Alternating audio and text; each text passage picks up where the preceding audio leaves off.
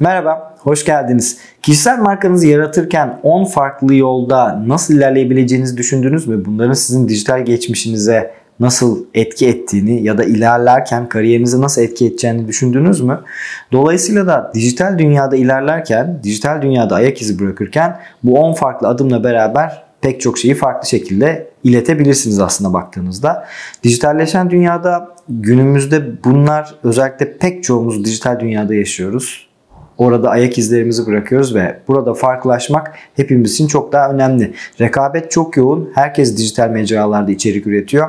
Peki bu noktada biz nasıl fark yaratıp nasıl başarıya elde edeceğiz? Şimdi bunu incelemek için de birkaç tane notum var. Size onlarla paylaşmak istiyorum. İlk başta değerimizi tanımlamak bu noktada önemli olan noktalardan birisi. İlk başta değerimizin ne olduğunuzu, kendimizin ne olduğunu çok iyi anlamamız gerekiyor. Bizi başkalarından, rakiplerimizden farklı kılan şey ne? En büyük yeteneğimiz ne? Hangi konuda daha iyi bir dereceye sahibiz ya da nasıl farklılaşabiliriz? Bu konular bizim için ciddi derecede önem taşıyan unsurlardan birisi. Yine aynı şekilde aslında baktığınızda online dünyada nasıl bir duruş sergiliyorsunuz? Sosyal medyadaki, mecralarda kullandığınız platformlardaki duruşunuz nasıl? Örnek veriyorum. Bir web siteniz var mı? Düzgün bir şekilde kullanıyor musunuz? Örnek veriyorum. LinkedIn profiliniz düzgün bir şekilde düzenlendi mi? Instagram profilinizde bütün her şey olduğu gibi, olması gerektiği gibi sizinle ilgili bilgiler var mı?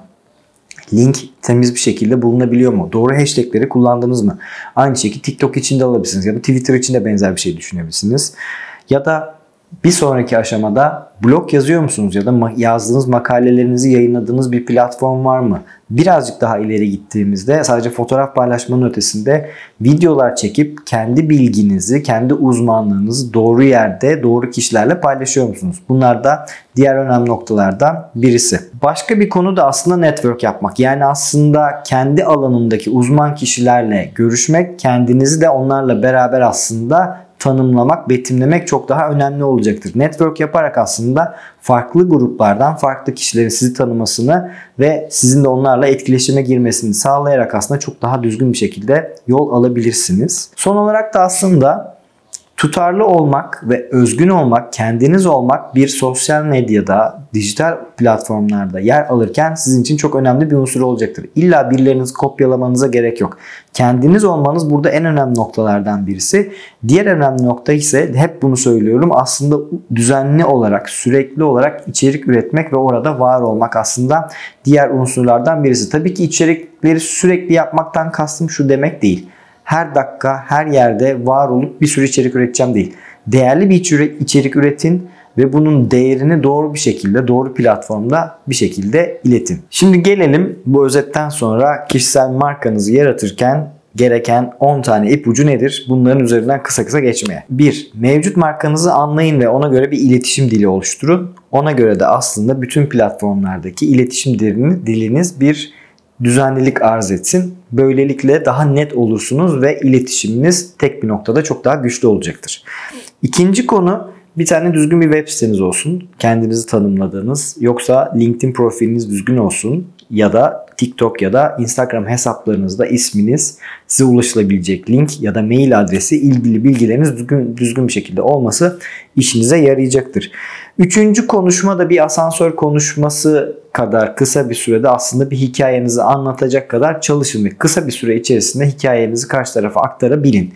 Bu nedir asansör konuşması dediğim şey aslında çok kısa bir süre içerisinde biriyle bir araya geldiniz. Diyelim ki şirketinizdeki müdürünüz ya da CEO ile ya da sallıyorum Elon Musk'la bir araya geldiniz. Asansörde bir kata çıkıyorsunuz ve orada muhabbet açıp kendinizi satacak kadar aslında bir hikaye oluşturun.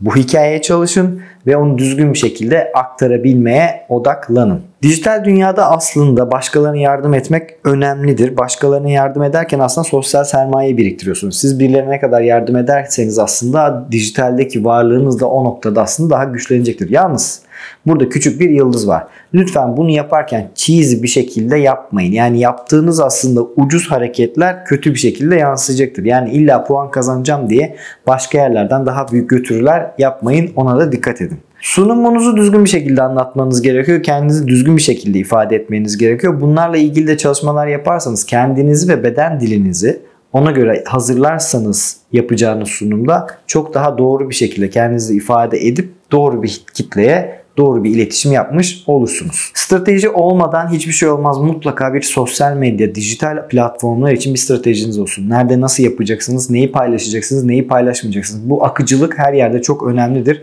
O yüzden bir strateji belirlemek ve buna sadık kalmak yine dediğim gibi önemli noktalardan birisi olacaktır. İtibar yönetimi özellikle public relationship, halkla ilişkiler tarafında itibar yönetimi önemlidir. Özellikle işte dijital platformların yanında arama motorlarında da adınızla ilgili olan varlık düzgün bir şekilde var olmalı konuşmadan önce dikkat etmelisiniz. İşte bazen böyle hatalar olabiliyor. Çok büyük hatalar yaşanılabiliyor halkla ilişkiler kısmında. Dolayısıyla da bir demeç verecekseniz, bir şey paylaşacaksanız dolayısıyla da öncesinde bunu planlarsanız paylaşır, paylaşmadan önce daha doğru olacaktır. Özellikle strateji konusundan bunun sonrasında gelmesi stratejiniz doğrultusunda ilerlerseniz çok daha doğru adımlar atabilirsiniz. Buna hedefliyor bu da aslında baktığınızda.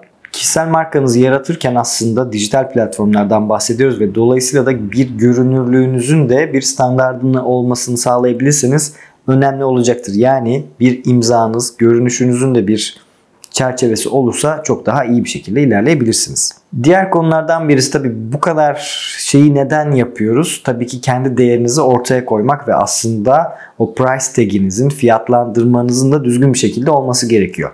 Bütün adımları yaptıktan sonra işte doğru görünüş, doğru yerde doğru bir şekilde kendinizi ifade etmeniz doğru bir strateji uygulamanız, doğru dilin akıcı bir şekilde bütün platformlarda, dijital mecralarda var olmasının sonucunda da aslında kendini fiyatlandırmanızı da aslında buna göre belirleyin. Dolayısıyla da neye göre pazarlık edeceğinizi, nerelerden feragat edip nerelerden nerelerin sizin kırmızı çizginiz olduğunun farkına varın ve ona göre hareket ederseniz çok daha doğru bir şekilde ilerleyebilirsiniz. Son olarak da söyleyeceğim şeylerden birisi sahtekarlık sendromu olarak geçen, imposter syndrome olarak geçen aslında kendinizi sahtekar olarak düşünmeyin. Bunları yaptığınız için siz bir şekilde kendinizi demoralize edip demotivasyonunuzu bozmanıza gerek yok. Dışarıdan gelen yorumlar sizin varlık nedeninizi aslında değiştirmeyecektir. Siz doğru bildiğiniz şeyi kendiniz kendi çerçeveniz karşılığında devam ettirebilirsiniz. Dolayısıyla da başkalarının size yargılamasına çok fazla izin vermezseniz bunlardan alınmazsanız çok daha doğru bir şekilde olacaktır ve kendi değerinizi daha rahat bir şekilde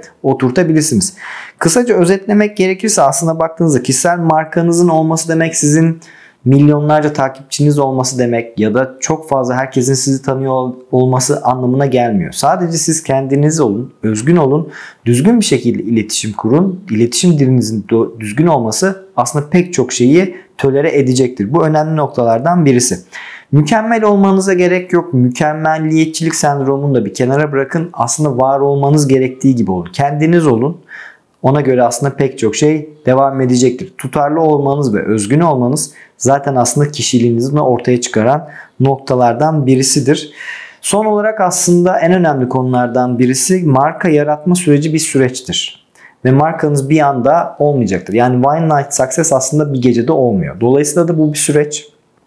Bunun farkına varın ve bütün o yolculuğu da buna göre planlarsanız aslında gitmek istediğiniz hedefe ulaşırken attığınız küçük adımlar sizin için çok daha doğru olacaktır ve hedefinizi şaşırmadan odaklanarak gitmenize sebep verecektir. Kişisel markanızı yaratma ile ilgili 10 tane ipucu saydım. Farklı noktalara değinmeye çalıştım. Aklınıza gelen sorular varsa yanıtlamaktan mutlu olurum. Varsa sorularınızı gönderin gelsin. Bir sonraki bölümde görüşmek üzere. Hoşçakalın.